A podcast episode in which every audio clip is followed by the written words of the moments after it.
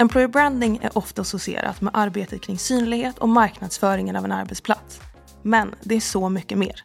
Kraftfull employer branding byggs in i organisationen och sprids sedan ut. Det handlar om att skapa en upplevelse av en arbetsplats som är värd att prata om och vilja vara en del av. Och idag när kandidater beter sig mer som kunder är det ännu viktigare att ställa om från kandidat till att tänka kundidat. Du lyssnar på Kandidatresan, en podd av Visma Talent Solutions med mig, Katrin Chamera. Annika är en erfaren marknadschef med en bakgrund från filmbranschen. De senaste åren har hon arbetat som marknad och affärsutvecklingschef inom Wise Group där hon också fann sin passion i att fokusera sin kompetens på att attrahera och konvertera kandidater. Sedan ungefär ett och ett halvt år tillbaka är hon på Invice, en av Sveriges främsta digitala byråer. Välkommen Annika! Tack! Vad trevligt att vara här. Härligt att ha dig här. Idag ska vi prata om personas med avstamp i recruitment marketing. Mm. Eh, men om vi börjar från början, vad är recruitment marketing för någonting? Jag brukar kort och gott säga att det är effektiva metoder för att stärka sitt employer brand och attrahera eftersökta kompetenser. Mm. Och personas, hur kommer de in i recruitment marketing? De skulle jag säga är liksom grunden till allt. Eh, namnet recruitment marketing, det är ju precis det som det säger och syftar till.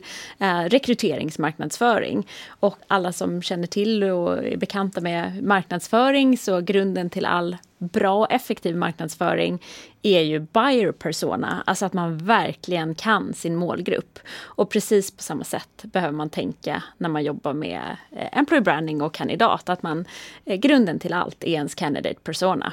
Mm. Utan den kan man inte göra effektiva kampanjer och bra copy och kommunikation. Ja, du är lite inne på det där, men vad finns det för konkreta användningsområden för eh, kandidatpersonas? Mm, eh, ganska mycket faktiskt. Eh, alltså en candidate persona det är ju egentligen ett kommunikativt verktyg eh, som ska hjälpa dig att förstå eh, dina prioriterade målgrupper. Eh, och när man har gjort det här arbetet, då vet man ju eh, vilken typ av tonalitet, vilken typ av budskap och var man hittar sina kandidater. Och då kan man ju använda det i allt från att man skriver en jobbannons till att man eh, gör snygg kopp copy på eh, sociala medieinlägg. Eh, till exempel så kanske en, om man jobbar med eh, ekonomer, kanske de eh, attraheras mer av en viss typ av tonalitet och copy än vad en säljare gör. Um, och uh, egentligen alla typer av kommunikativa uh, budskap man, och dialoger man har med kandidater. Förhoppningsvis så jobbar man ju också med lead nurturing, alltså att man tar hand om sina kandidater och fortsätter kommunicera med dem även när de har konverterat och man har dem i sitt rekryteringssystem eller ATS-system. Uh, eh, och även den typen av kommunikation är viktigt, att man är relevant för målgruppen. Ja, det låter som att det är ett viktigt verktyg i kandidatresan. Mm. Men jag tänker också att man skulle kunna använda det i medarbetarresan, dra in det i organisationen. Absolut. Det är superbra att ha koll på vad de som jobbar hos oss vill ha. Ja men verkligen. Och ofta har man ju flera olika team på en arbetsplats. Och varför egentligen kommunicera på precis samma sätt med alla? Det är väl samma sak där. För att nå fram med sitt budskap så gäller det att vara relevant. Och ju mer eh, spetsig man kan vara i sin kommunikation, desto bättre. Så det är därför att investera i att göra ett candidate person-arbete ska ju förhoppningsvis hjälpa till effektivisera kandidatresan från början till slut. Mm. Men hur många har kommit igång med det här? Inte jätte jättemånga, eh, eller ganska många. Det är väldigt många som pratar om det och vill och är intresserade. Men eh, det är inte så många som liksom har kommit igång. Det känns som att det är därför jag tror jag kan uppleva idag att HR-roller eller rekryteringsroller, de är så otroligt breda idag. Man ska kunna allt från arbetsrätt till att vara en grym marknadsförare. Och det är väl därför sånt här som candidate persona kan kännas väldigt läskigt, för det är inte ens grundkompetens som rekryterare eller HR-person. Och det är egentligen inga konstigheter. Eh, men det är inte så stort och komplicerat och svårt som det låter, utan det handlar ju bara om att göra en riktigt bra målgruppsanalys. Um, så väldigt många är nyfikna på det och pratar om det just nu skulle jag säga. Um, men fler behöver komma till skott med att jobba med det. Jag kan tänka mig att det känns lite mer som en nice to have än som en need to have för, för HR. Men vad ser man för fördelar för de som jobbar med det och vad missar man om man inte jobbar med personas? Ja, jag skulle nog säga och vända på steken att även om du har helt rätt i din spaning att folk tänker det mer som ett nice to have, a need to have. Eh, men jag skulle säga att en candidate persona verkligen är need to have. Eh, den investeringen i tid man gör för det kommer ju effektivisera arbetet framåt. Eh, som ett exempel, det handlar ju om som sagt att vara relevant i sitt budskap och i sin contentskapande. Och det gör ju, målet med det är ju att få inte nödvändigtvis kanske fler sök ansökningar, men däremot mer relevanta. Och då är ju eh, det verkligen någonting som man eh, kan liksom se return of investment på sin investering. För vem vill ha 300 ansökningar där 5% är relevanta? Har man då gjort sin candidate persona och verkligen känner sin målgrupp så kan ju en rekryteringsprocess bli otroligt mycket mer effektiv och på så sätt kan man ju sänka cost per hire.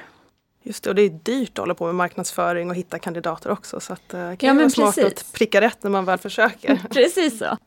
Men om man är taggad på att komma igång, mm. vem driver arbetet och vilka behöver vara involverade i framtagningen av Personas? Ja, eh, egentligen så tycker jag att eh, det här är ju något som eh, en talent eller HR-funktion absolut kan göra.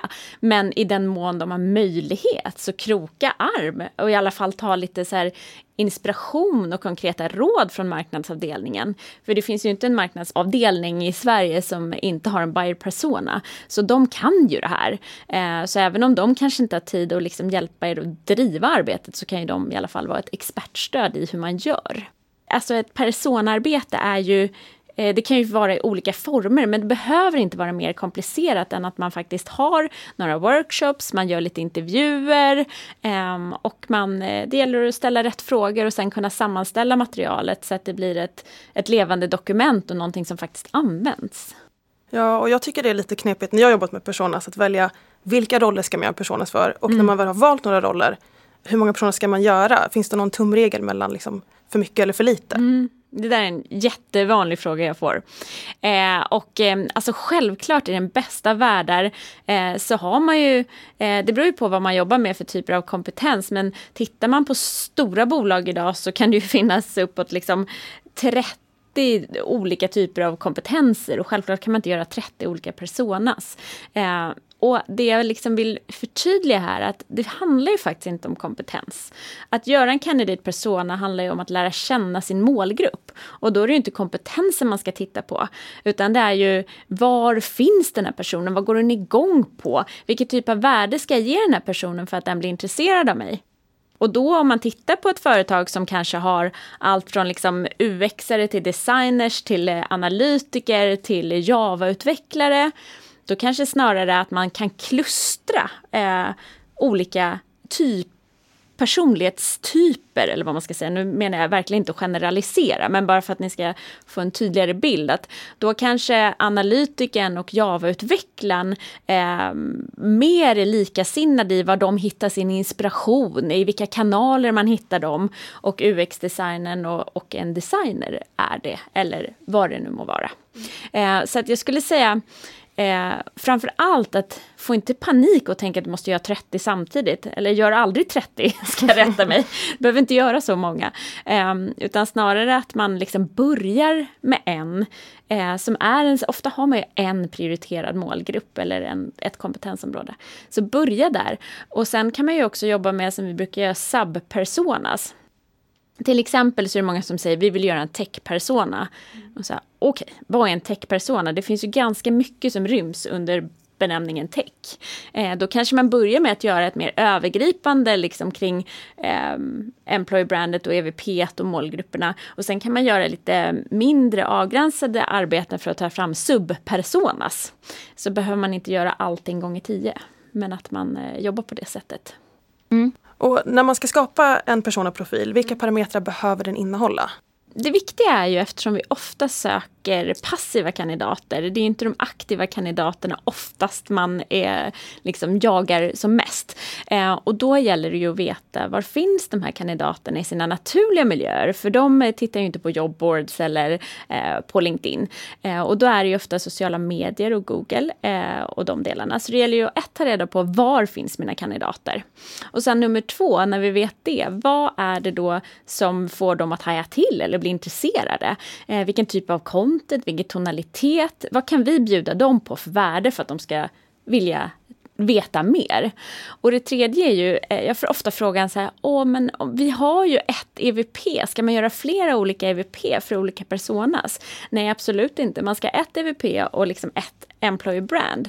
Sen i Candidate Persona-arbetet, det är där man tar reda på vilka delar av EVP som man lyfter mot olika målgrupper. Till exempel att en säljare kanske går igång på eh, vad har man för bonusmodeller medans en, återigen jag generaliserar men det är bara för att det, det liksom ska bli tydligt.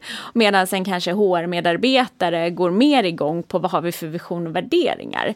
Så det ska ju finnas ett komplett paraply men Candidate Persona-arbetet syftar just till det att vad i vårt EVP ska jag lyfta mot den här målgruppen. Just det. Och hur får man den informationen? Kan man gissa sig till det eller hur, hur jobbar man? Absolut inte gissa. Nej. eh, nej men så som eh, jag brukar jobba med personarbeten så handlar det ju om en kombination egentligen av eh, workshops, eh, djupintervjuer och data. Eh, idag finns ju väldigt mycket data. Eh, och om man tittar i kandidatfallet så kan man ju hitta data i sitt ATS-system förhoppningsvis. Eh, har man gjort tidigare kampanjer och liksom sponsrat jobbannonser eller så, så finns det ju data att hämta där. Så man vet vad har fungerat mot den här målgruppen, vad har inte fungerat. Så det är en parameter. Och sen är ju workshopformat eh, en bra metod för att få reda på ganska mycket under kort tid. Um, och i en sån eh, workshop så kan ju absolut anställande chefer, HR, sådana som träffar många kandidater. Men gärna ska det ju vara personer ur den målgruppen som också är med i workshopen så att det blir en, eh, en, en liksom bredare bedömning. Um, och det här ska helst också kompletteras med djupintervjuer av personer som kanske faktiskt inte är på företaget idag. Det kan vara Antingen kan det vara någon som precis har gått igenom rekryteringsprocessen och, och liksom, eh, har ansökt till det här företaget. Eller kandidater som man har en jättegod relation till men som en eller, av en eller annan anledning inte har fått jobbet. Så då får man ju en ganska bred eh, informationsgrund. De som möter kandidater varje dag, de som är i målgruppen, både befintliga och potentiella eh, och kombinerar det med data. Och nu kanske ni tänker, oh my god, gud, ska jag göra allt det här? Men tänk efter, det är liksom en workshop, eh, det kanske är tre till sex djupintervjuer. Eh, det är att titta på data och sen så sammanställa det här. För det vill jag också förtydliga, jag kan få frågan vad är en candidate person? Ja men det är det här kommunikativa verktyget som man ska kunna luta sig mot och så här, titta hur ska jag kommunicera med den här målgruppen? Eh, så det är också en parameter att när man har tittat på datan så ska man sammanställa det här till ett användarvänligt dokument helt enkelt. Ja, och när man har lagt tiden på att skapa de här personas, de är på plats, hur får man in dem i sin vardag så att det blir ett levande dokument? Mm. Men jag tror, eh, jag har exempel på företag, det man brukar göra är ju kanske att döpa sina personas så att de faktiskt blir lättare att ta med i vardagen. Att säga, ja, eh, analytiska Alex eh, och eh, eh, säljaren Steffe. eh, nej, vi brukar faktiskt vara noga med att inte använda, vi brukar använda könsneutrala namn. Och därför tog jag Alex, jag kommer inte på något på S nu. Sam! Säljande Sam. Så att när man pratar om dem så blir det liksom levande. Att ja, du, är det en Sam vi behöver för det här uppdraget eller är det en Alex? Eh, och jag vet till och med de som har liksom tagit fram pappfigurer som står liksom på kontoret att det här är Sam och det här är Alex. Eh, så att de blir en del av vardagen. Men sen är det ju framförallt många som jobbar med rekrytering så är det ju sällan en person som till exempel skriver jobbannonser. Ehm, det kan ju vara liksom flera rekryterande chefer eller enheter eller vad det må vara. Eh, där kan det ju vara att alla har liksom den här kommunikativa manualen eller så nära till hand. Så varje gång de ska skriva en jobbannons så påminner de sig, okej okay, nu ska jag skriva en annons för SAM. Vad är viktigt att tänka på? Ja, SAM tycker inte om när det, det ska vara konkret och det ska vara eh, tydligt den andra kanske går igång mer på mjuka värden. Eh, så att inför att när man sätter sig och faktiskt ska skriva en annons eller någon kommunikativ text, att man återbesöker dem för att påminna sig själv. Eh, och kanske till och med går så långt att man har i alla fall någorlunda mallar, för så här skriver man en annons för Sam och så här skriver man för Alex. Det känns som ett återkommande problem att få med organisationen. Ja. Eh, HR tar fram någonting som är jättebra mm. men sen är inte alla med på tåget. Nej. Så, hur kan man tänka där? Ja, det är ju eh, repeat, repeat, repeat. Det är ju så. Och som jag sa, att om man gör det mer levande, att man faktiskt döper och pratar, eh, så är det väl lättare att ta till sig.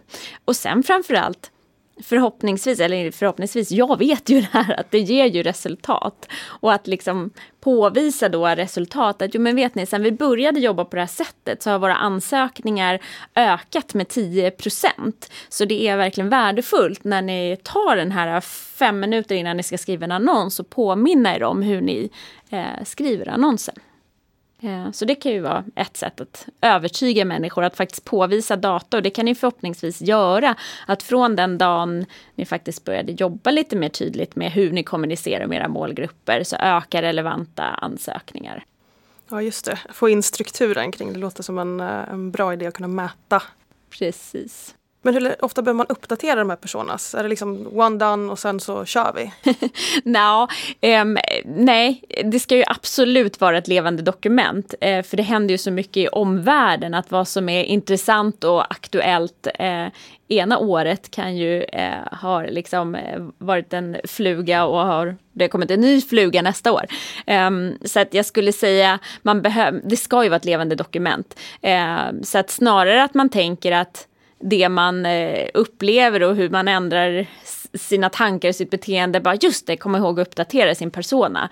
Eller liksom återbesök den i alla fall minst en gång per år. Bara titta, känns det här fortfarande relevant? Kanske göra några kortare provtryckaren på några nya kollegor som har kommit in som är ur målgruppen. Att känner du igen dig i den här beskrivningen? Bra, då vet vi. Den är fortfarande relevant. Så får man mejla ut till företaget. Vi har uppdaterat Sam. bara så att ni har koll. Precis. There's a new Sam in town. Exakt. Eh, du var lite inne på det tidigare, mm. att eh, personas är en generalisering av en person. Men mm. går det inte lite mot uh, diversity inclusion-arbetet? Hur mm. jobbar man med dem så att de inte blir diskriminerande? Det är en knepig fråga um, på ett sätt. Um, för att det är en candidate persona, en del som det ska syfta till är ju att bli väldigt träffsäker i sin marknads, kandidatmarknadsföring. Eh, och man blir ju som allra bäst när man kan segmentera superspetsigt. Idag så finns det ju tack och lov väldigt mycket att man kan segmentera på framförallt på LinkedIn på liksom titlar och områden, eh, vilken typ av utbildning och så man har. Eh, men vissa medier är fortfarande ganska fyrkantiga där man segmenterar på ålder och kön. Eh, vi försöker göra allt vi kan för att göra dem så könsneutrala som möjligt när vi jobbar med personas. Just som jag sa, välja könsneutrala namn, eh, försöka liksom alltid ha en mix av personer som man intervjuar och med målgrupper så att man får liksom hela, hela bilden. Men eh, om man ska använda den fullt ut för att lyckas med sin annonsering, då behöver det fortfarande vara vissa parametrar eh, för att kunna segmentera på ett bra sätt. Skulle kunna testa kanske att göra en persona som är, ska representera mångfalden man vill få mm. in? Eller? Ja, det är ju också en stor del. Det är ju superbra att du tar upp det. Alltså en del i recruitment marketing är ju att liksom jobba, eller det är ju det som är syftet, att jobba som en marknadsförare i sin kandidatmarknadsföring. Och där är ju att AB-testa och pröva vad som funkar bäst och, och eh, optimera. Eh, det är ju en del av det arbetet. Så det kan man absolut göra. Det är ett jättebra alternativ. Vad skulle du säga är det vanligaste misstaget eh, när man gör personas och jobbar med dem? Ta med tillräckligt relevanta eh, personer, eh, att inkludera tillräckligt relevanta personer ur målgruppen i sitt arbete. Att det är till exempel HR och rekryterande chefer eh, som sitter och brainstormar kring vad en viss grupp av medarbetare eh, tycker är spännande content och varför de väljer bort dem som arbetsgivare. Så det skulle jag säga är det största misstaget, att man eh, inte är noggrann med sin eh, platta av influencers in i personarbetet. Och så här, avslutningsvis, om våra lyssnare ska ta med sig tre saker från det avsnittet mm. för att börja jobba med personas, vad ska de tänka på då? Eh, nej men ett, eh, som jag sa, tänk inte att det är åh gud, i vilken ände ska jag börja? Det här är så stort. Börja med en. Lär känna processen, se vad det kan ge för resultat. Då kommer nästa persona kännas mycket lättare. Ni kommer också se själva hur ni liksom kan klustra olika kompetenser, göra subpersonas. Eh, så börja i det lilla.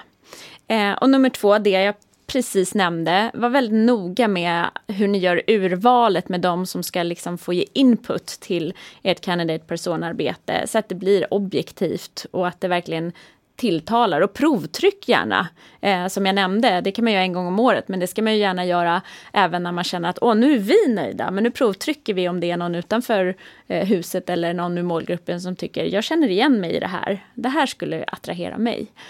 Och nummer tre, eh, frågan om eh, hur, hur ofta man ska uppdatera. Känn ingen stress med det heller, men se det som ett levande dokument. Det behöver inte vara ett stort projekt varje år, utan aha, just det, det här skulle Sam gilla. Det lägger jag in i mitt candidate persona-dokument, eller min, mitt kommunikativa verktyg mot Sam. Så det är egentligen de tre delarna. Börja i lilla, var noga med vilka du väljer ut som eh, ger input och håll din persona levande. Tack så mycket Annika. Tack! Det har varit eh, superkul att få vara här och prata om min hjärtefråga. Jag hoppas det leder till att fler företag eh, jobbar med sina personas, för det kommer ge resultat. Det tror jag verkligen. Och för er som vill fortsätta läsa om personas och recruitment marketing så har jag länkat till lite vidare läsning i bion. Eh, också till en lättare persona-profil som Annika har tipsat om. Och vill ni fortsätta inspireras så kan ni följa oss på LinkedIn på Visma Talent Solutions.